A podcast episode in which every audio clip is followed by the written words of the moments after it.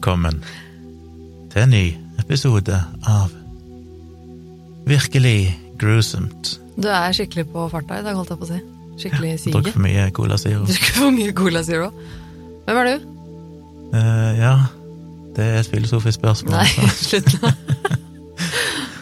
Jeg er Gunnar, Og jeg er Tone.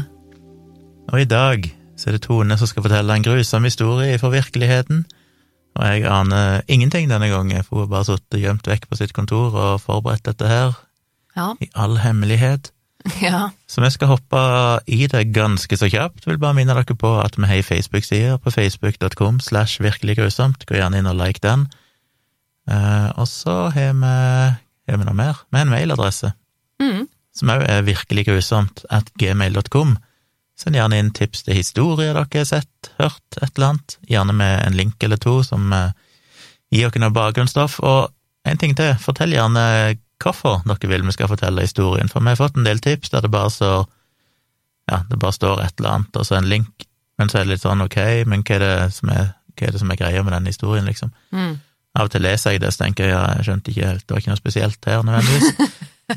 kan jo være jeg går glipp av noe, så hvis det er noe sånn, en god grunn til at dere mener at dette er en historie vi bør fortelle, så trekk gjerne fram et par highlights om hvorfor den historien er spesielt fascinerende. Ja. Så det var vel eh, de vanlige greiene. Så da gir jeg ordet til deg, Tone. ja. Kjør på. Jeg er eh, Det blir altså um, jeg, jeg tror ikke det blir liksom den aller mest grusomme fortellingen i dag, men den er nå like fullt uh, ganske interessant, og egentlig uh, litt sånn eh, noe, noe som jeg har syntes er ganske fascinerende for en stund tilbake. Så så, så jeg en Jeg tror jeg satt og så på en eh, YouTube-dokumentar, eh, et eller annet, eller en eller annen video i hvert fall, som nevnte eh, det jeg skal snakke om i dag. Og da uh, forsto jeg det slik at dette hadde ikke du hørt om før. Og da ble jeg litt sånn hmm, Jeg har hørt om alt, Tone. kanskje dette her kan være kan være noe å ta opp i en eh, episode. Okay, surprise me. Ja, vi, vi skal eh, Vi, vi skal eh, jeg, jeg har ikke skrevet noe sånn, sånn, sånn teaser-tekst. Eh, men eh, jeg kan si såpass at eh, eh, John Allen Chow Han eh, prøvde å være eh, hyggelig og reach out til eh, noen øde mennesker, og så gikk det fryktelig galt. Been there, done that. Nei da, men jeg, jeg, jeg begynner fra starten, jeg, ja, og snakker om, litt om denne John Allen Chow. Og vi, eh, vi skal ikke så langt tilbake. Ciao. Bare ja. lyst til å si det hele tiden. Okay. Fint. Veldig politisk korrekt. Chow. Eh, Ok. Eh, det- Jeg blir satt ut her nå. Eh, du har fått i deg altfor mye cola, du. Ja, eh, John Allen Chow han ble født i 1991 og vokste opp i eh, Washington sammen med sin amerikanske mor og sin kinesiske far eh, og to eldre søsken. Altså da, Derfor han heter Chow, da, fordi han, faren hans var fra Kina. Hele Johns barn, barndom og oppvekst var veldig sterkt preget av hans to store lidenskaper i livet. Naturopplevelser og Jesus Kristus. Mm. Akkurat samme som meg, minus naturopplevelser Ja. og minus Jesus. Ja, Bortsett fra at du også var jo ganske opptatt av Jesus Kristus i din ungdom. Jeg var det, lite grann. Heldigvis ikke nå lenger, kan man si. Kulturskader. Eh, Men han, han eh, elsket å lese om eh, eventyrere og misjonærer som dro verden rundt til øde steder for å spre det gode budskap. Eh, Og hans aller største helter var jo liksom disse mest ekstreme misjonærene som eh, konverterte stammefolk i, inn langt inn i jungelen, og, og folk som ble strandet på øde øyer. og ja, Han likte historier om sånn Robinson Crusoe og litt sånn Ja, det, det var fantastisk gøy for han. Så virkelig opp til eh, disse menneskene og elsket eventyr og hiking, hva heter det, sånn eh, gå tur og camping med familien og Veldig sånn eh, naturmann og ja. Det, det sto høyt. Eh, Og etter en misjonstur til eh, Mexico så ble han eh, helt overbevist, sånn helt på alvor, at det var dette han rett og slett levde for. Det aller viktigste var å nå ut til folk og spre budskapet om kristendom og Jesus Kristus. Ikke at jeg skjønner at det går an, men eh, det gjør jo det. Eh, og en dag, en dag da John John? John? John? Gikk på videregående så leste han om en øy. Han satt og leste i en sånn misjonsdatabase, og da leste han om en øy som ligger i Det indiske hav, hvor det bodde et stammefolk som var helt isolert fra omverdenen. Og det sto også på siden der at uh, vi måtte be for at de indiske myndighetene ville la de kristne få lære dem å kjenne og bo iblant dem. Mm. Og I tillegg til at dette stammefolket måtte selvfølgelig få tilgang til medisinsk hjelp, var det utrolig viktig at de skulle få vite at Gud, skaperen, eksisterer, og at han elsker dem og har forlatet alle deres synder. Det er så dårlig gjort. Hva da? Nei, for det er hvis ikke de forteller om Gud, så kommer de til himmelen automatisk. Ja. Men i det øyeblikket de får høre om Gud, så kan det hende de ikke kommer til himmelen så er det plutselig et valg ja, om de vil tro på Jesus eller ikke. Det er jo ekstremt egoistisk å holde på sånn. Ja. Ja, jo færre misjonærene ut, jo flere kommer til himmelen. Ja. Men det, dette var nå den uh, Hva heter det uh, Menigheten. Ja. Menigheten her, så var det det desidert viktigste. Det var å misjonere, og man skulle fortelle alle om Gud, og dette var jo John veldig opptatt av. Um, og øya som her ble beskrevet, heter North Sentinel Island, og skulle feste seg til Johns minne. På en dag så skulle han reise dit.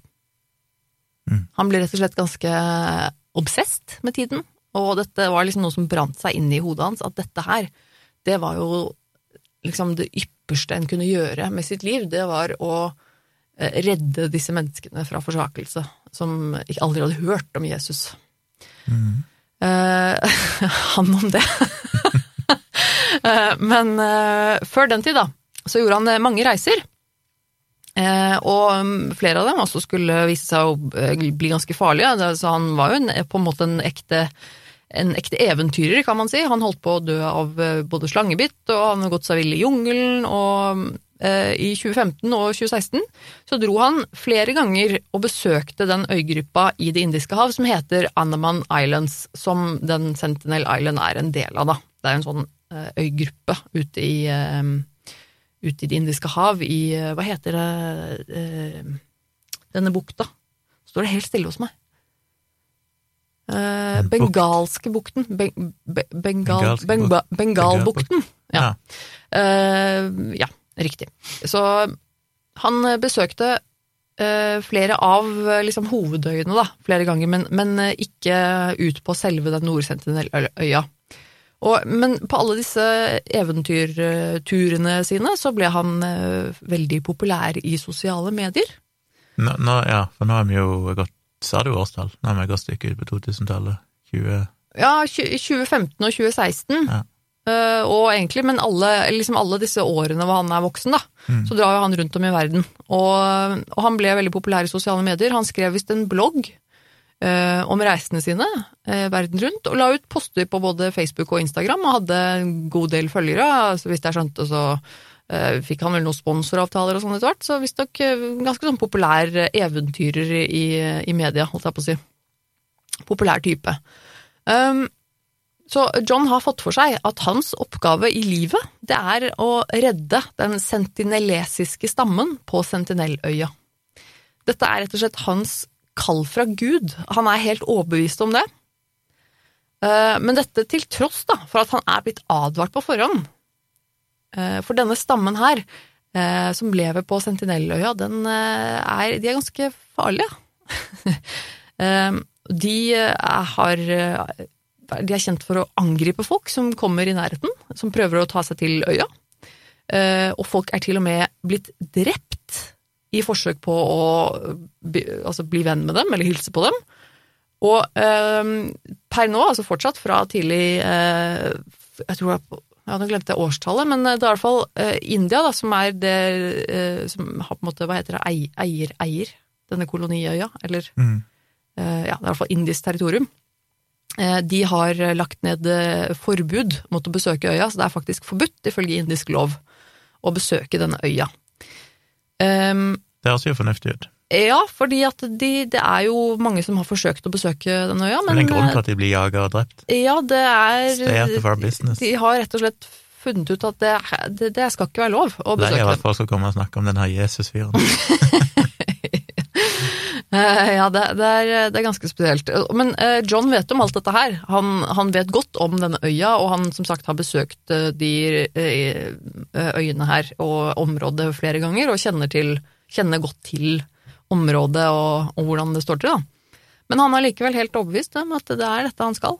Um, og uh, for North Sentinel Island uh, er Eller det er liksom ikke noe norsk navn på det, men nord, altså Nord-Sentinelløya. Blir liksom, høres litt rart ut, syns jeg. Det, men det er, den heter jo i hvert fall Sentinel. Men det er liksom nord, For det er visst en sørøy også, men det, heter, det er North Sentinel Island. Mm. Men den er eh, ca. 60 kvadratkilometer stor. Um, og ligger i Bengalbukta, ja. Det var jeg jo inne på. Eh, det er ingen som helt vet med sikkerhet hvor mange mennesker som bor på denne øya. Eh, fordi, som sagt, de har jo vært eh, isolert, disse menneskene her, siden nærmest tidenes morgen.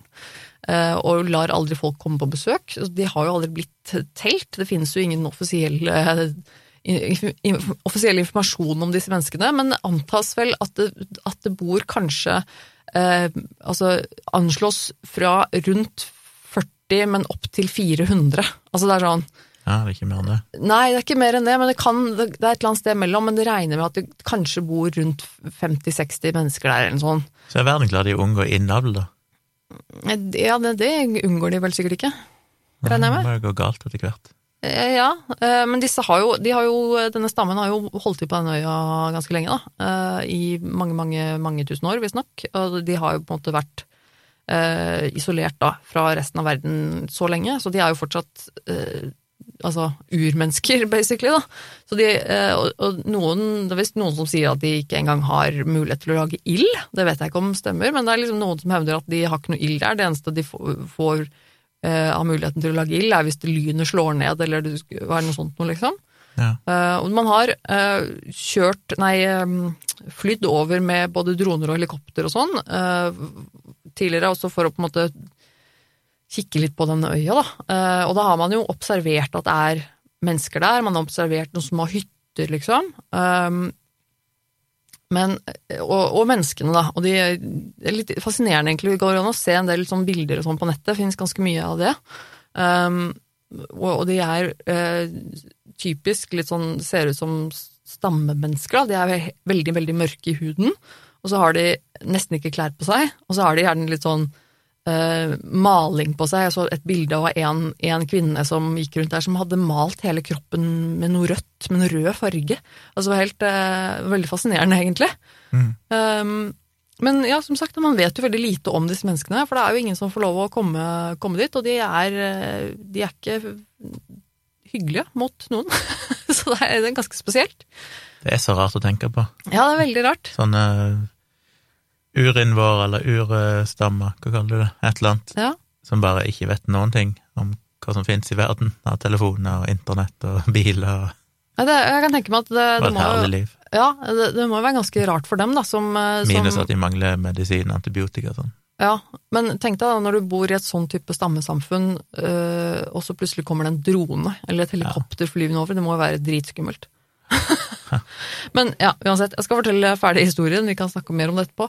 Um, og i 2018, altså ikke så lenge siden, så gjorde John seg klar til å dra ut på denne øya. Da var han klar, han bestemt på at nå, nå skjer det. Eh, Han hadde researcha masse, han hadde betalt noen, noen fiskere eh, til å hjelpe han. Han hadde eh, dratt til nærliggende eh, øy og, og drev og gjorde seg klar.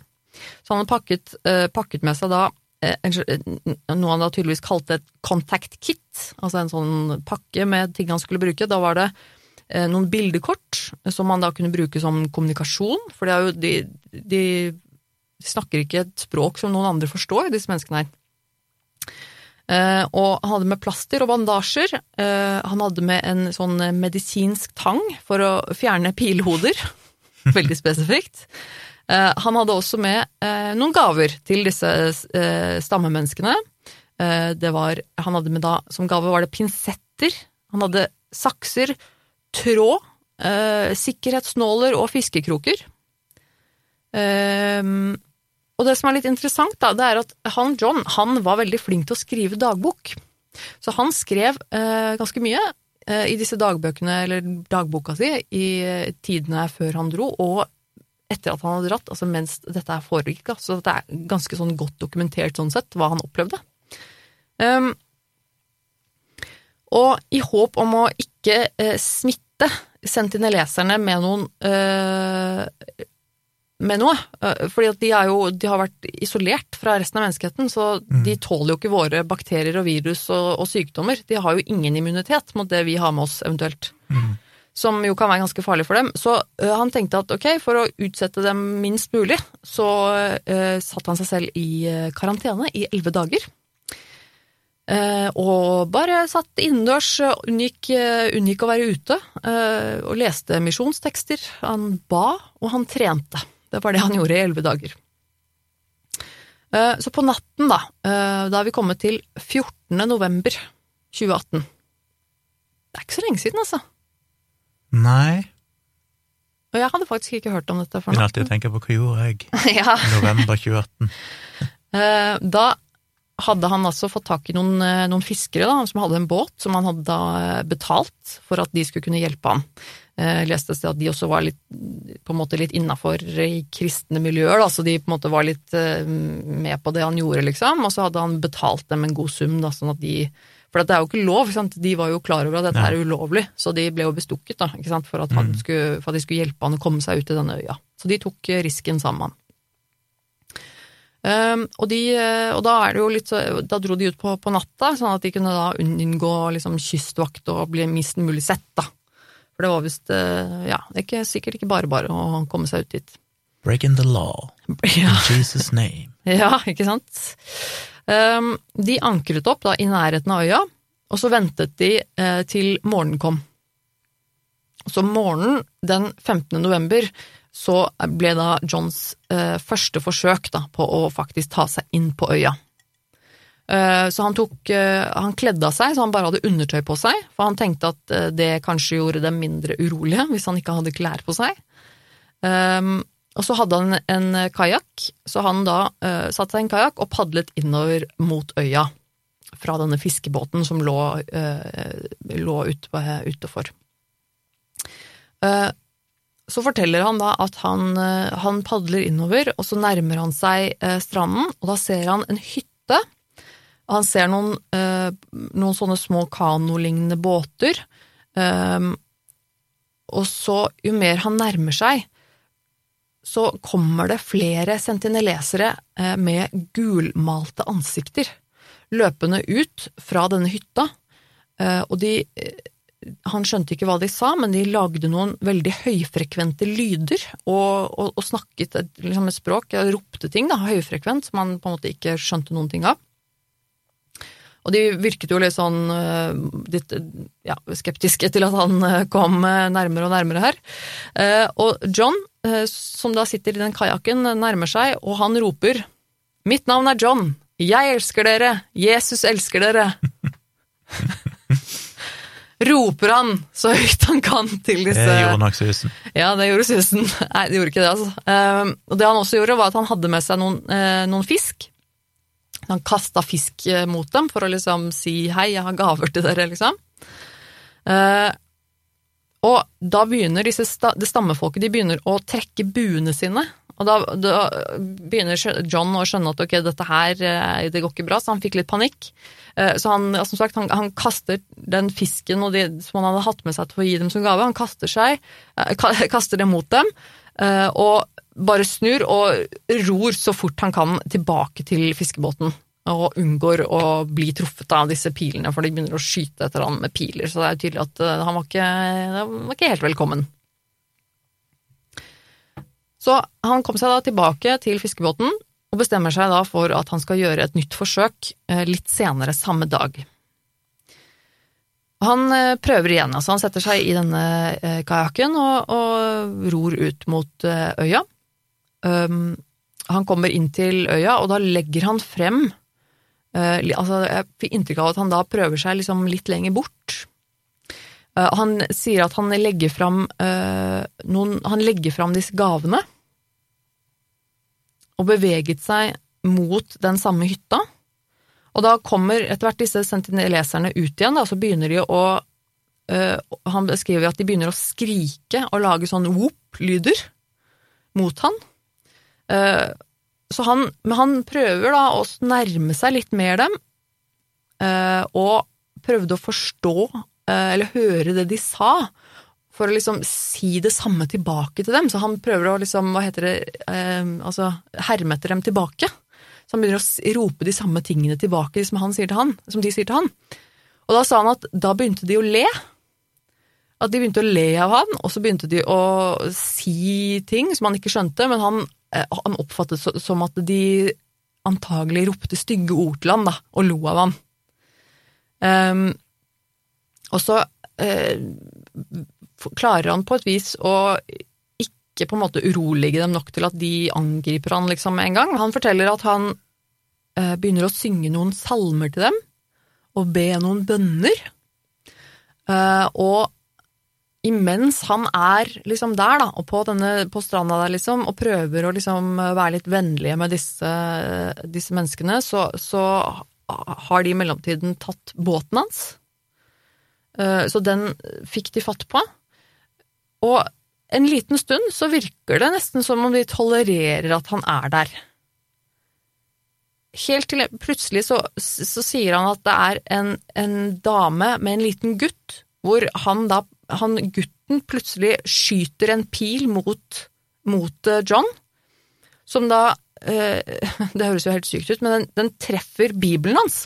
Han har med seg en vanntett bibel, selvfølgelig har han det, mm. som han holder foran, eh, foran brystet sitt. Og den pilen til den gutten, den treffer da midt inne i bibelen som han har holder foran brystet sitt. da. It's a miracle. Ja, ikke sant? Bibelen traff, den, den redda jo livet hans, da, bokstavelig talt. Um, så uh, på et eller annet vis, litt uklart å forstå akkurat hva som skjer, men han klarer i hvert fall å uh, Han skjønner jo da raskt at ok, nå, nå går dette her dårlig. Nå har jeg liksom blitt her for lenge, nå må jeg trekke meg litt unna. Så han napper visst den pilen ut igjen og liksom kaster den tilbake, eller gir den tilbake på dem, um, og, og trekker seg tilbake. Um, men nå har jo faktisk disse uh, sentineleserne, de har jo tatt kajakken hans. Eh, så han må jo svømme. Så han eh, slenger seg ut i vannet og svømmer tilbake til fiskebåten, som visstnok var et ganske godt stykke, men han klarer visst det, da, å, seg, komme seg tilbake til fiskebåten igjen. Og nå, eh, den samme kvelden, eh, så hadde han skrevet i dagboka si at eh, blant annet at han, eh, han, var, han var redd, og han var lei seg, eh, og spurte og, Altså, det, det virker Det er litt sånn sært, egentlig, for det virker veldig sånn Etter det han har skrevet i den dagboka, så går det virkelig liksom opp for han at dette er alvorlig og farlig. Altså Han skjønner jo, han vet selv at dette her er skummelt, og han tror selv at det er mulig han kommer til å dø. Men likevel så er dette altså Han er helt overbevist om at dette er hans kall fra Gud. ikke sant? Han har ikke noe valg, nærmest. Det er litt sånn han snakker, da. Uh, og at han både er lei seg og han er redd, fordi at han tror at liksom, dette her kan gå skikkelig dårlig. da. Men likevel så velger han jo å gjennomføre at han skal gjøre dette her. Så han skriver i dagboken ganske mye. Eh, mye av det kan man finne på nettet, eller få det er flere videoer og sånn, hvor man har lest opp det som man har skrevet og litt sånne ting. Men han skriver da blant annet om at han lurte på om dette skulle være hans siste solnedgang. Og han skrev til familien sin, skrev han dere syns sikkert jeg er gal som gjør dette, men jeg mener det er verdt å proklamere Jesus for disse menneskene. Er dette Satans siste gjemmested, et sted der ingen har fått sjansen til å høre ditt navn? Altså, han er eh, helt og holdent bare helt altså frelst. Han skal, eh, han, han skal redde disse menneskene. Han, det er liksom, jeg er nesten litt fascinert, for at det er på en måte han er helt overbevist om at hvis ikke han gjør dette her, så, så er de fordømte, disse menneskene. Mm. Eh, Ja, så han bestemte seg da for at han skulle gjøre et forsøk til. Og det forsøket det skulle gjøres uten at fiskebåten lå fløt i nærheten. Eh, For han tenkte at kanskje sentineleserne ville være mer komfortable om han kom liksom alene, om ikke de kunne se båten sånn helt i nærheten, og at det, at det virket litt mer eh, beroligende for dem. Um, og i tillegg sa han at uh, det også var fordi at hvis det gikk dårlig, så skulle de fiskemennene få slippe å se at han ble drept. Ja. Ja. Uh, han skrev også mye om i boka at han ikke ønsket å dø, men hadde akseptert at det kanskje kom til å skje. I så fall skrev han da at eh, Gud måtte tilgi de som prøvde å drepe ham, spesielt hvis de lykkes. Mm. Så han, altså, han, er, eh, han er bestemt. Det, det skal han ha. Han er helt overbevist. Det er ikke noen tvil om, i hvert fall. Så Nei, han er jo så overbevist tydelig at uh, det å dø blir vel ikke egentlig sett på som noe stort tap. Komme til himmelen, komme til Gud. Ja. Det er jo bare en bonus, det. Eh, morgenen den 16. november. Da var John fiskerne om å slippe han av på øya alene. Eh, og menneskene på øya, de måtte reddes, og det var han fast bestemt på å gjøre. Han dro igjen inn mot øya, og det var siste gang han ble sett i live. Ifølge fiskerne, eh, som var om bord i denne båten, da, så hadde de da sett innfødte drive og dra på Johns døde kropp bortover stranden etterpå. Eh, og enten uh, Litt uklart om de så at han uh, Om de så at de begravet John, eller om de bare liksom lot han ligge igjen på stranda. Men de sa i hvert fall det, da, at det- han ble drept, og John er jo aldri sett igjen etterpå, så det er jo helt tydelig at han ble drept. Og de fiskerne, de ble jo De ble arrestert. De hadde jo brutt loven. Eh, Men ja. eh, Så det gikk ikke så veldig bra med John, og det er heller ikke gjort noen forsøk på å hente eller på å finne ut av dette her etterpå. Uh, liksom å, å, å dra ut dit og etterforske eller å liksom søke etter kroppen hans eller noe. Det er, det er ikke gjort noe forsøk på det. Uh, det, er jo, det er jo heller ikke lov. Han brøt jo loven med å dra ut dit. Mm. Uh, så, og det er jo en grunn til at den loven er der, ikke sant. Så Han var amerikansk statsborger. ja, han var amerikansk. Og de har visst eh, Jeg leste da at eh, amerikan... Altså Amerika, de har visst ikke gjort noe forsøk på å liksom eh, eh, få erstatning eller på å saksøke disse menneskene eller noe sånt. Det har på en måte forstått at det, det er ikke mulig. Det, Nei. og det her er jo ikke Som sagt, det er jo, det er jo mange, mange ganger dette her har skjedd før. Er, John er jo langt ifra den første som har prøvd å ta seg over på denne øya. Dette er jo, eh, som sagt, eh, det er jo en lang, lang, lang historie med isolasjon på denne øya, og det er jo mange mennesker som eh, syns dette er fantastisk fascinerende med disse menneskene. Vil de ikke være en del av samfunnet vårt, da? Hvem er dere? Hvor er dere fra? Hva, hva slags språk snakker dere? Så det er jo gjort veldig mye forsøk opp gjennom åra. Eh, noen Jeg noterte meg bare litt sånn eh, noen, det finnes, Og det fins masse på nettet om dette her, om forskjellige folk og, og hendelser som, hvor folk har prøvd å tatt seg til øya. Men eh, i, i 1880, altså det er jo ganske lenge siden, eh, var, var det en, en mann som het Maurice Vidal Portman. Som da var, eh, som jeg skjønte det, så var han da sjef for de koloniene. Eh, så han, og han fikk for seg at eh, disse menneskene som bodde på den, eh, den Nord-Sentinel-øya, de, de kunne jo ikke være der eh, alene. Dette måtte vi finne ut av. Uh, vet ikke, ikke helt hva han prøver å oppnå, men han kidnappet da en familie. De dro rett og slett ut dit, og så tok de med seg eh, en familie. Eh, Forsto det sånn at det var eh, noen foreldre med noen, altså to foreldre og så noen barn. Eh, og de tok dem da med seg inn på fastlandet. Akkurat hvor de tok dem med seg, husker jeg ikke. Men de ble eh, ganske fort syke. Og døde, disse to foreldrene, da. De voksne døde. Og så begynte de da å skjønne at det, oi, det var kanskje ikke så lurt å drive og dra disse menneskene her ut eh, hit, og oi, ok. Så da tok de, da tok de bare disse barna, og så bare leverte de dem tilbake på øya, og sammen med liksom noen gaver. Sånn, her, vær så god. Ops, sorry. og så dro de sin vei. Og tenkte at ja, jeg får bare være godt nok at vi bare leverer det tilbake sånn, med noen gaver, vær så god.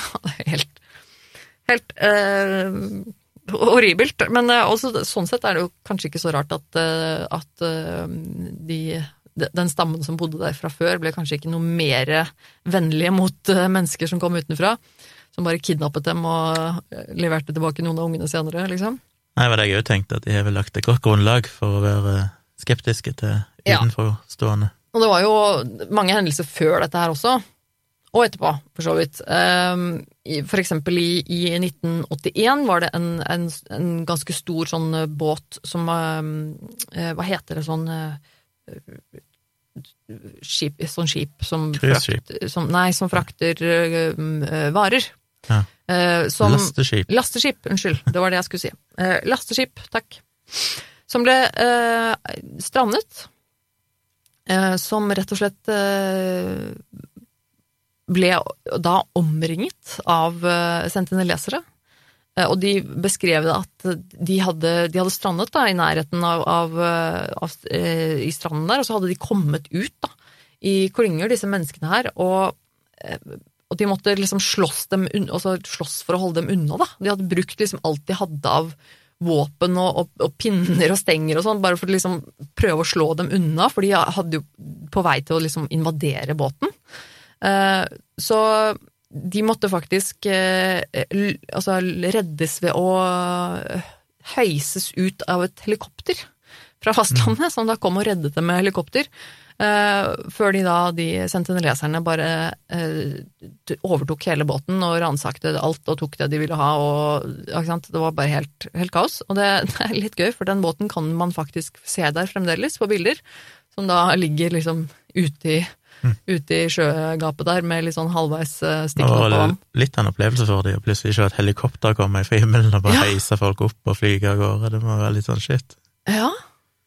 Ja, det er fascinerende. Og i 2004 um, var det et helikopter som prøvde å fly over øya, men som da bare ble beskutt. Altså det er altså øyeblikkelig hvor, hvor, det er et menneske på øya som ser dette helikopteret, så prøver de bare å skyte på dem med piler.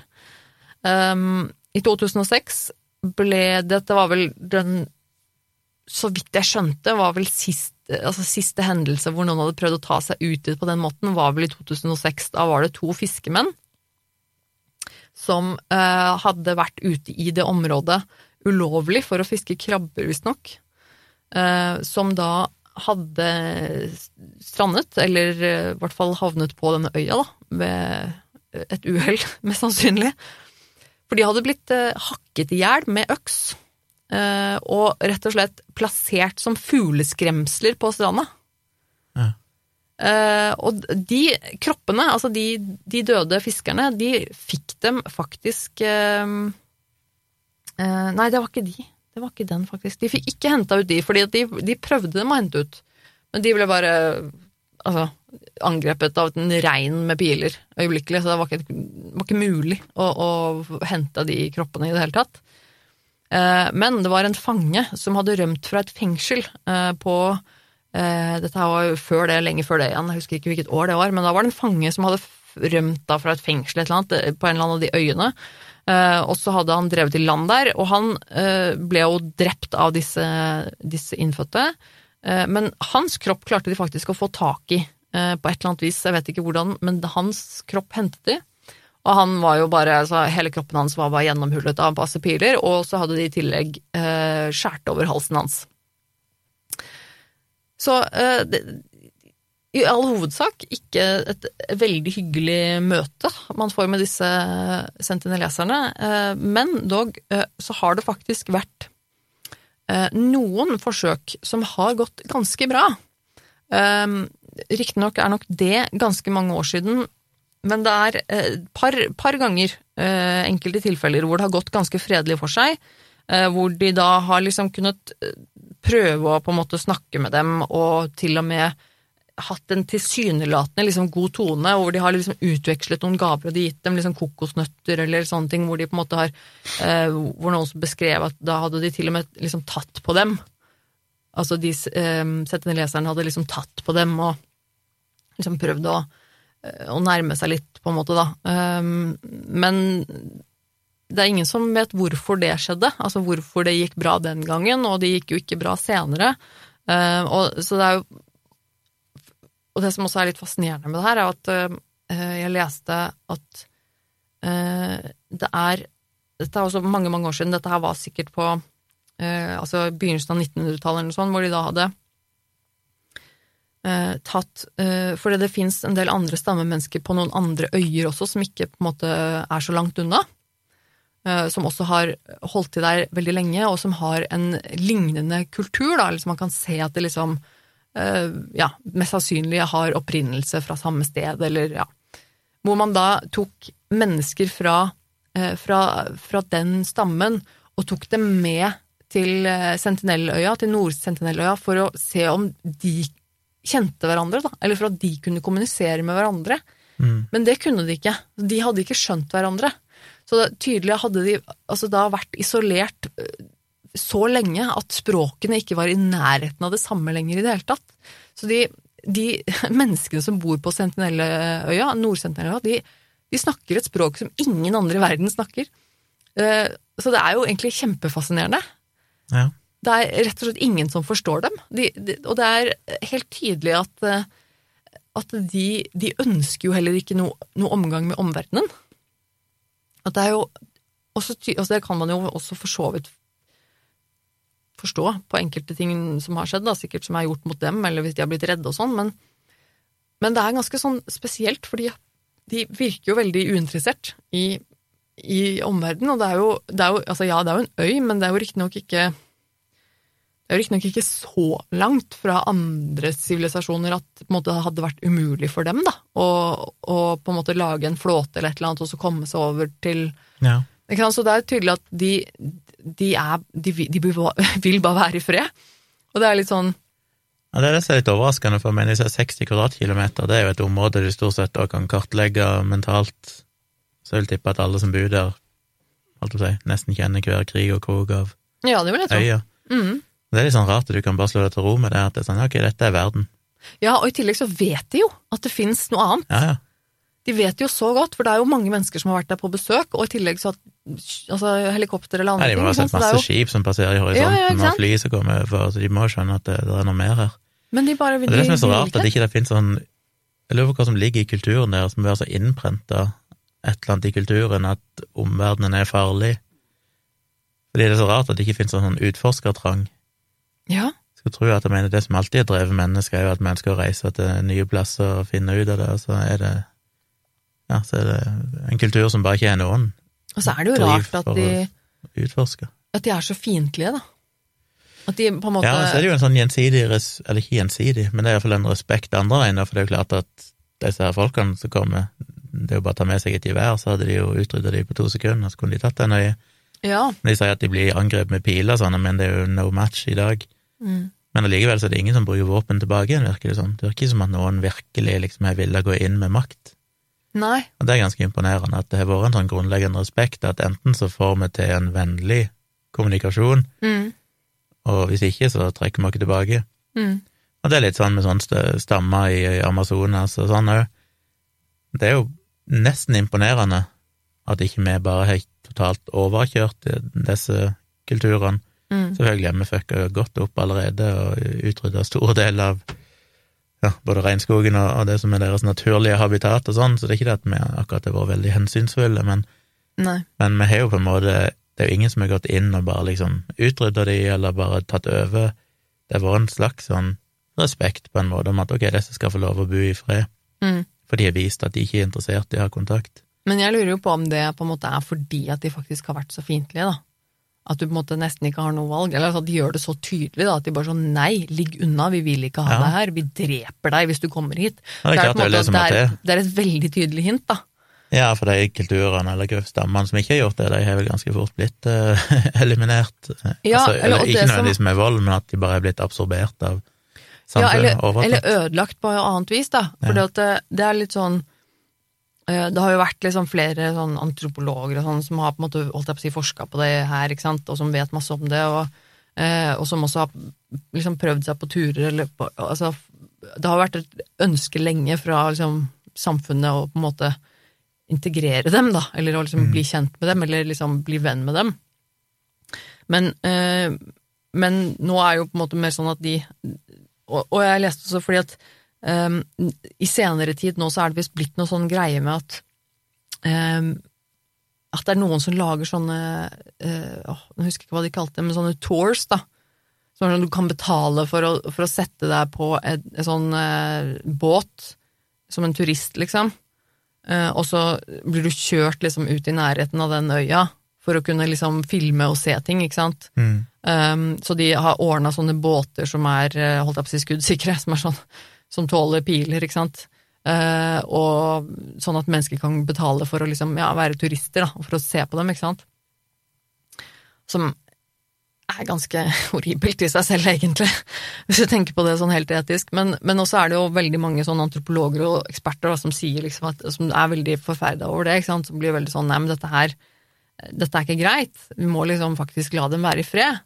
Uh, og dette er jo deres privatliv, altså det er deres øy, de bor der, og det at vi kommer og liksom kikker på dem som øh, lager turistattraksjon av dem, er på en måte det er, ikke, det er jo ikke greit, liksom, å, å gjøre sånn. Og i tillegg til det at um, Å dra fram andre eksempler på, på stammer da, som er blitt uh, integrert Hva skal jeg si, liksom, hvor vi på en måte har blitt venn med stammen og sånn, og, og introdusert vår verden inn for dem, hvor det har gått veldig, veldig dårlig for mange av dem. ikke sant? Vi har sett eksempler på det flere steder, hvor, er, hvor de ikke har evne til å på en måte sette seg inn i, inn i vår, vårt samfunn og hvordan det fungerer i det hele tatt. De, så de har på en måte fått eh, introdusert diverse varer og ting, da, og, og, og flere av dem som har fått kjempestore alkoholproblemer og tobakkproblemer, ikke sant, for at de har altså, Og sånne ting som det, som bare er veldig uforsvarlig og ikke bra i det hele tatt. Og Nei, så det er på en måte Ekspertene her sier jo på en måte at det beste er å bare la dem være. De kommer på en måte mest sannsynlig ikke noe godt ut av at de skal bli eh, prøve å integreres med oss, og heller ikke at vi skal komme og integrere oss på dem, er på en måte heller ikke noe de mest sannsynlig vil ha noe godt av. Så eh, det er litt sånn derre de, de, som, eh, de, de som vil dem vel, holdt jeg på å si, de tenker vel måte, hovedsakelig nå at det beste er jo å bare la dem være. De, de kommer aldri til å bli en del av samfunnet rundt, og det skal de også få slippe å bli, liksom. Ja, så tenker jeg jo på en måte at hvis vi klarer å fucke oss sjøl totalt, mindre det gjennom eh... Ja, det finnes jo måter vi kan fucke oss som fucker alle, men jeg tenker mange måter menneskeheten kan fucke seg sjøl på. Mm. Enten er med å ødelegge økosystemene sånn at ikke vi har mat lenger, eller, Mm. eller en eller annen pandemi, eller et eller annet sånt. Mm. Så kommer på en måte de kanskje til å bestå fortsatt. Mm. Det er Det er sånn jo de- utrolig fascinerende. Ja, det er veldig fascinerende. Jeg skjønner jo selvfølgelig veldig godt, jeg blir jo dødsnysgjerrig sjøl. Mhm. Jeg skjønner jo godt at en antropolog eller hvem som helst vitenskapsmann innenfor et sånt fagfelt sikkert bare klø i fingrene etter å bare Mm. omtrent behandle de som dyr, omtrent sette de i et bur og bare få ut liksom, fortell, fortell meg hvordan er det dette her fungerer, liksom, hva er det dere tror på, hvordan er språket bygd opp, Mm. hva er det dere vet, hva er det dere ikke vet, Eh, Jeg skjønner jo den nysgjerrigheten. det er jo så mye fascinerende når det Ja. folk, til en eh, time capsule, Ja, skikkelig bare sånn tilbakeblikk i hvordan menneskeheten var for noen tusen år siden. Ja. Men samtidig så altså, tenker jeg jo at det er så vanskelig det der, for ja, på en måte så tenker jeg at eh, vi har selvfølgelig utrolig mye goder som de går glipp av, Mm. og en kan jo tenke at det er på en måte urettferdig at ikke de skal få ta del i sånne ting som for eksempel antibiotika. Ja. Jeg tenker jo, ja, de kommer ikke til å altså det, En kan jo ikke si at det nødvendigvis er en bonus for menneskeheten at vi har ja, Det er komplisert, men ja, internett og Ja, er liksom tilgang på all verdens mat og liksom alle de her godene Ja. Det er ikke nødvendigvis et gode, liksom. De, Mm. har nok et minst like lykkelig liv uten de tingene. Ja, Men det er enkelte sånn fundamentale ting som Mm. vi har, sånn som at hvis de får et kutt i foten og ender opp med å få en infeksjon, hjelp. så dauer de, liksom. Mm. Som vi slipper i dag. Ja. Det er sånn enkle sånne ting. Det skulle vært mulig å gitt dem, sånn at de iallfall kunne ha levd så godt de kunne innenfor sin kultur. Mm. Men det Så er lurer jeg liksom på hvor mange mennesker det er, for det må jo være en matematisk grense for hvor mange du kan være for å opprettholde en bestand uten at innavlen til slutt er knekken på deg, og der må det jo være gjort noen analyser som kan sette en nedre grense for hvor mange de må være. Ja, men, men for, um, ettersom det jeg liksom har sett av videoer og lest og sånn nå, så virker det som Fordi jeg leste om at uh, noen av de uh, gruppene da, opp gjennom året her som har, som har gjort forsøk på å liksom ta seg til den øya eh, det, har, det har jo vært tilfeller hvor de på en måte har da kunnet tatt seg eh, til, over til øya og ikke møtt en eneste person. Eh, hvor de da har liksom gått i, over på, liksom på stranda og inn på For dette er en øy som er Det er en liten strandlinje som går rundt hele øya, og egentlig så er eh, resten av øya er bare altså, tjukk skog og jungel, liksom. Så, og så har de tatt seg inn i skogen og kanskje sett noe, eh, holdt jeg på å si, rester, eller hva heter det, liksom spor av mennesker, da. Kanskje en hytte eller noe sånt, men at det ikke er et eneste menneske, hvor de har gått av flere kilometer, kanskje innover på øya, men aldri møtt noen. Mm. Og så har de tatt seg ut igjen og dratt tilbake igjen. Eh, og, så det er noen som da har noen teorier om at det kanskje egentlig altså ikke er så mange mennesker på denne øya, men at de flytter seg litt rundt. At det er mulig at de er litt sånn At de ikke bor ett sted på øya hele tiden, men at de flytter seg litt rundt i forhold til um, altså dyr eller andre uh, byttedyr da, som de, som de uh, dreper for å spise, ikke sant, og som de jakter på, da. Altså de har på en måte Ja, altså de kanskje lever litt sånn, holdt jeg på å si, på farta, eller hva man skal si. Uh, som også er noen som mener For det, er også litt fascinerende, for når du da kunne dra til øya og så gå innover der og så aldri treffe noen, på en måte uh, Nå utforska de tydeligvis ikke hele øya, da, men altså, de gikk i hvert fall et stykke innover og så ikke fant noen. Um, så kan det jo ikke være stappfullt av mennesker der heller, ikke sant? Altså, Nei. uh, ingen som vet hvor mange som faktisk bor der, men det er jo noen som da har flydd over med helikopter eller noe, og så har man da Det er litt, litt, eh, litt gøy, faktisk, da, å se på de bildene som ligger på nettet, hvor du på en måte kan se disse hyttene som er liksom Altså, det er jo bare laget av, av, av strå og, og, og, tre, liksom. Mm. Og litt andre sånne Et annet bilde jeg så også Så ut som de hadde laget en, en sirkel, da, av sånne skråtak, på en måte, sånn at det så litt ut som en omvendt arena, hvis du skjønner hva jeg mener. Um, av sånne, bare sånne store liksom, vegger, og som på, på bildet i hvert fall stå, så de veldig store ut, fordi menneskene var ganske små inni der. Ja. Så sånn merke, og så er det på en måte ingenting inni der, det var liksom bare et åpent, og så med den Det er veldig sånn rart. Um, det er fascinerende, altså. Jeg kjenner jeg blir sånn ordentlig fascinert av de menneskene, og i hvert fall også med det med at de ja, det med at de er så fiendtlige. At de bare Nei, vil ikke. Og det er jo Ja. snakk om også Dette her har også vært generasjoner av dem. Jeg mener, det er jo ikke Det her er jo eh, mennesker som har levd på den øya i mange, mange, mange generasjoner, og at det på en måte fortsatt, etter så lang tid, eh, ikke da tydeligvis er noen av dem som på en måte er noe særlig interessert i omverdenen. Altså, ja. og det er liksom Jeg, jeg syns det er fascinerende. Ja, han burde nok lese litt historie, han eh, godeste Chow. Fordi det har vært eh, Jeg skjønner at det er i beste hensikt han gjør dette, men med litt mer historisk innsikt så tenker jeg han òg burde ha sett hvor mye misjonærer er ødelagt opp gjennom tidene. Ja. Ved å invadere ja, sånne stammer og kulturer og liksom skal påtrenge de det kristne budskap, og i samme slengen egentlig moderne sivilisasjon, Mm. som har skapt mye problemer, inklusiv Men ja, USA eller Amerika. Ja, og, men ja, angående han altså det er Chow, da, jeg syns jo det Og det er jo litt, litt sånn Det er jo veldig tragisk, egentlig, for han, han visste jo i stor grad hva han gikk til. Og likevel så valgte han jo å gjøre det, og han er jo øh, blitt ganske sånn hengt ut på nettet av liksom folk som For dette er jo ikke så lenge siden det skjedde, ikke sant, så det, var jo, det ble jo store oppslag eh, Ja. da han faktisk døde der, eller ble drept, da. Da dette skjedde. Og folk har jo skrevet så mye dritt også på nettet, og liksom 'herregud, for en idiot', og ikke sant, og hengte han ut litt, da, og liksom han nærmest mobbet, mobbet han på nettet for det han gjorde. Og det, det er jo ganske ufint, selvfølgelig, men jeg skjønner jo på en måte at det er veldig uforståelig at du på en måte kan være så Altså, ja, For meg er det jo kjemperart, for det- jeg er jo ikke kristen eller religiøs på noen som helst måte, men liksom å være så overbevist da, om at det eneste du lever for, er å prøve å overbevise disse menneskene her som bor helt øde og isolert på denne øya, om at Gud, Jesus Kristus, fins, liksom. Eh, og at han elsker deg. Ja. Det er veldig, veldig spesielt. Og så når du til og med vet liksom at det er god sjanse for at de bare dreper meg, for at de har drept de fleste andre folka som kommer. Og så er det veldig sånn nei, de må høre om Jesus. Det er mitt kall her i livet. Det er mye rart. Jeg mener, jeg har jo selv gått på misjonærskole i Kenya og opplevd at, eh, ikke sant, som jeg snakker om i andre sammenhenger, at foreldrene, norske misjonærer, sånn, reiser av gårde for ungene sine Mm. og ser ungene to ganger i året. Men Ja. ikke sant, der er jo sånn, det er viktigere for meg å, å fortelle om Jesus til kenyanere Mm. enn å ta vare på ungene mine. Ja. Og det, det er liksom så ekstremt. Jeg kan tenke meg litt for han det å finne ei øy som er på en måte ubesudla, ingen andre har vært der før han. Det er litt rart for meg, for jeg mener det finnes noen milliarder mennesker på denne kloden som man kunne ha fortalt om Jesus, Mm. som enten tilhører en helt annen religion, eller som bare ikke tror på Jesus i USA.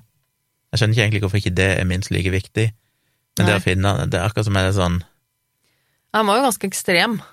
Ja, jeg vet ikke bare om det er den der eh, erobrertrangen, eller det at han vil være unik på et eller annet vis, som bare gjør det mer spennende, eller om man tror at det er et lettere bytte i gåsehudet. Nei, fortelle noen som ikke hørte om Jesus før, at det da er større sjanse for Så skjønner jeg heller ikke hvordan han mente å nå fram, hvis ikke du kan snakke språket engang. Hvordan i verden skal du fortelle noe så komplekst nei, som et kristent budskap gjennom Gjennom har kanskje forberedt seg på å være der i mange år, da, og liksom etter hvert lære Ja, seg språket og sånne ting. Jeg tror det. Jeg tror hans tanke, var, sånn som jeg oppfattet det, var at hans, hans calling var liksom å bo der. At han skulle dra ut til dem og, og bo blant dem, da. Og at han, eh, eventuelt andre, også skulle på en måte kunne bo blant dem og lære dem om Gud og Jesus. Og det er jo sånn klassisk, den forferdelige hvite mann som kommer og og mm. folk, akkurat som han. Tenk ifra noe bedre. Ja. Han skal komme og liksom lære dem om verden. Ja, Det er jo det er ganske motbydelig, egentlig. Det er ganske motbydelig. Jeg blir alltid provosert av folk som er så religiøse at de tenker at jeg kan gjøre hva jeg vil fordi Gud kommer til å beskytte meg. Mm. Som jeg regner med, selv om han på en måte sier at han var klar over han kunne bli drept og sånn, så må det vel ha vært en tanke om at ja, men Gud kommer til syvende og sist Mm. til å ta vare på meg, for det er jo det det som menneskene tror. Jeg mener, jeg har jo selv vokst opp i et miljø der det var et slags budskap, ikke sant, at uansett kommer Gud til å passe på deg. Mm.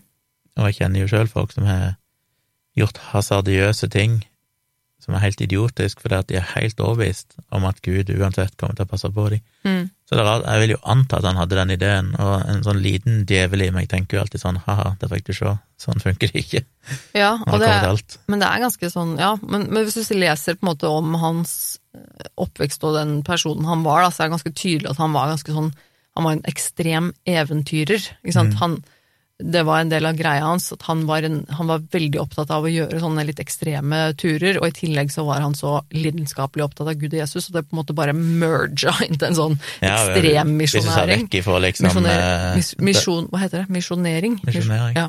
Hvis du ser bort fra det religiøse, så, er det jo, så skjønner jeg jo selvfølgelig at det må ha vært en fantastisk spennende utfordring for Mm. ham, hvis dette var noe han var veldig interessert i. Det, jeg mener, som jeg sa, til og med meg, som er verdens kjipeste fyr som aldri kunne tenkt meg gjort noe sånn, skjønner jo at det må være utrolig spennende å ha den muligheten. Mm. Men jeg vil nok ikke ha ofra livet for det. Nei, jeg syns det er eh, Ja, jeg, jeg, jeg Ja, nei, jeg, jeg vet ikke, egentlig. Det er liksom sånn Ja, de folka her er jo ganske grusomme, som bare på en måte dreper på, de, på ganske bestialsk måte alle som prøver å nærme seg dem, til og med om de har måte med seg gaver og er snille og på en måte ikke viser noe trussel eller noen ting. Så bare slår dem rett ned og skjærer over halsen på dem, og det er ikke måte på, liksom stiller dem opp på stranda som sk- fugleskremsler og ikke sant? Det, det er jo ganske barbarisk sånn sett, men, men likevel så er det på en måte han John da, som, som jeg bli, kjenner at jeg blir veldig frustrert på, som bare er sånn Altså ja, det er bare sånn nei, jeg skal for, Mitt kalde liv er å få, få deg til å tro på det jeg tror på. Det er veldig, veldig sånn åh, det er sånn motbydelig. Så jeg vet ikke hva jeg syns er verst, egentlig. Nei, og jeg syns på en måte ikke det er så ille det de gjør, for det er klart at selv om de på en måte er de som går til angrep, så er det jo til syvende og sist selvforsvar. Uansett hva de Mm. gjør, så er det jo selvforsvar. Ja, Fordi Det at er jo det i realiteten, hvis de ikke hadde gjort det, så hadde de jo vært utrydda for Ja. lenge siden. Det det, er jo bare fakta. Jeg synes det er veldig rart, bare. At de, at de liksom ikke er interessert i omverdenen i det hele tatt. Det er jo litt rart. Ja. Det er det jeg òg syns er veldig rart, men eh, på en måte er det jo klokt. Ja, ja, for all del. Og det er litt sånn, jeg er helt enig med de som sier at du bare la dem være i fred. For jeg tenker jo det Mm. samme, at liksom nei, men altså vil de ikke det, så nei, la dem være i fred. Det er ikke noe Ja, men det er jo rart. Men ja. øh, Det, det var altså historien min i dag. Det var litt sånn både historien om, om John, men også litt sånn om generelt denne øya, som jeg, jeg syns er veldig fascinerende. Det er ganske mange år siden jeg hørte om den første gangen nå. Og det, den, men denne historien om John, eh, som skjedde i 2018, hadde jeg faktisk ikke hørt før i det hele tatt. Nei, jeg har heller ikke hørt om han, og jeg vet jo at det finnes flere sånne stammer rundt forbi i verden som er relativt uberørt, eller helt uberørt. Ja, jeg tror det, sånn så jeg forsto det, så regner man med at det er rundt 100 stammer igjen i verden Mm. som er sånn sett altså urørt, eller eh, som ikke er eh, eh, påvirket av verden rundt seg. Ja. Nei, det er en fascinerende historie. Jeg Ja, det er vanskelig å rangere denne her òg på grusomhetsskalaen, for det, at, eh, det er jo ikke noe sånn Ja. Ok, det er grusomt, men vi vet jo egentlig ikke helt hva som skjedde med han. Han ble drept kanskje momentant av en pil i hjertet, ikke sant, det er umulig å vite. Nei, som sagt, det er jo på en måte ikke den mest grusomme fortellingen, men eh, det er jo, det er jo ganske fascinerende. Og jeg tenker at fordi Jeg tenker at i utgangspunktet så eh, De, de fiskerne høres kanskje ut som er noe, noe av de verste skjebnene. Det, det er jo ganske grusomt. Ja, det er sikkert de- mange som er litt mm, groteske skjebner. Ja, men av det vi vet, da, måte, så er det på en måte Ja, de gjorde noe ulovlig, de fisket på ulovlig eh, grunn, holdt jeg på å si, men eh, de strandet, da. Og så kommer de til den øya. Det er jo bare det verste du, stedet du vil strande noen gang, ikke sant. Jeg syns mest synd på den stakkars fengselsfuglen. Ja. Snakker om å gå ifra asken til ilden. Sånn, 'Å, jeg er redd, jeg kom ut av fengselet, jeg er fri', og så bare boff, oi, shit. Jeg tenk det nedtur, da. At du først har kommet deg fri, og så bare fader, strander du på den øya, liksom. ja. Nei, men jeg vet Nei, ikke jeg skal gi det noe nå på grusomhetsskalaen, som jeg vil gi det kanskje en eh, Jeg klarer knapt å gi det mer enn en én. Ja, men det er Nei, det er kanskje lite. To. Ja, det er greit, det. Det er mest en sånn, eh, holdt jeg på å si, en formalitet at vi bruker denne skalaen hver gang. Ja, vi må jo gjennomføre det. Ja, det er liksom den eneste faste tingen vi har. Men hvis dere som hører på, vet noe mer om den øya, eller har noen feedback å gi, så kan dere bruke virkelig grusomt at gmail.com. Mm. Kom med mer informasjon Ja. som vi hoppet over, eventuelt. Følg oss på Facebook også, som du nevnte. Ja. Og så i tillegg til det, nå skal jeg ta meg en frihet, fordi at eh, Har en liten, da. Jeg har gjort det, vi har gjort det en gang før også. Men jeg må uh, få anbefale folk eh, som liker uh, denne podkasten, eller som liker uh, oss, det vi driver med og sånn. Kanskje de også er interessert i å høre din podkast, Gunnar. Du har en podkast som heter Tomprat. Hvor Ja. du snakker ganske smart om diverse aktualiteter og litt sånn forskjellige ting. Prøver av og til å gjøre det. Men ja, sjekk gjerne ut mine andre podkast som heter Tomprat med Gunnar Kjomli, som ligger på Spotify og podkast-apper. Bare søk etter Tomprat, så finner dere den. Og jeg fikk også eh, beskjed om at eh, jeg måtte rett og slett reklamere for eh, min podkast og din podkast i denne, denne podkasten litt oftere, for det var flere som hadde begynt å høre på eh, min og din podkast etter å ha hørt oss nevne den her. Eh, Så det er, det er veldig hyggelig, for jeg har også en egen podkast som heter Nerve. Der snakker jeg litt om eh, tabu rundt eh, psykisk helse og litt, eh, litt sånne ting som jeg syns er interessant. Så gjerne sjekk ut Nerve også. Så da har vi jo gjort eh, dagens snikreklame. Og alle tre podkaster er jo produsert av moderne medier, så Ja, det er sant. det er jo under samme paraply, Ja. alle i hop. Men nå skal vi jo drive med i disse pandemitider, så vi sitter bare og produserer podkaster på løpende bånd her Ja, i, men jeg elsker podkast. Det liksom Podkast er the shit, liksom. Det er veldig gøy at folk hører på, og lyttertallene på denne podkasten går jo stadig vekk oppover, og det syns vi er veldig, veldig gøy. Ja, det setter vi stor pris på. Så hvis du liker denne tips andre. Ja, tips andre. Og hvis du liker denne podkasten her, da, så er det jo veldig kult hvis du gidder å for eksempel gå inn i iTunes eller et eller annet, og så gi oss en fem stjerner hvis du syns vi fortjener det. For det, det hjelper faktisk andre folk å finne podkasten vår, at vi får litt gode ratinger. Mm. Så det hadde vært hyggelig hvis folk eh, gadd å gjøre det. Men da ta takker vi igjen for eh, at folk hørte på denne uken også. Det er veldig, veldig hyggelig. Og takk for alle tilbakemeldinger. Så er vi tilbake om en ukes tid, er vi det, eller? Selv om det er midt i påska? Ja, det tror jeg. Vi har ikke noe annet å gjøre. Vi har ikke noe annet å gjøre. Nei, vi holder oss jo hjemme i påsken, vi, så Det kanskje det blir første påskedag. Nei, andre påskedag blir det. Ja, Nei, så? Nei, jeg går i surr. neste, neste mandag så får dere muligens høre oss igjen, da. Hvis dere har Ja. lyst til det. Så får dere ha en kjempegod påske der ute så lenge, og så høres Ja. vi igjen. Ha en eh, grusom påske, må vi En vel si. grusom påske. Ja, med Så masse påskekrim og Ja. snacks. Vi høres. Ha det. God påske.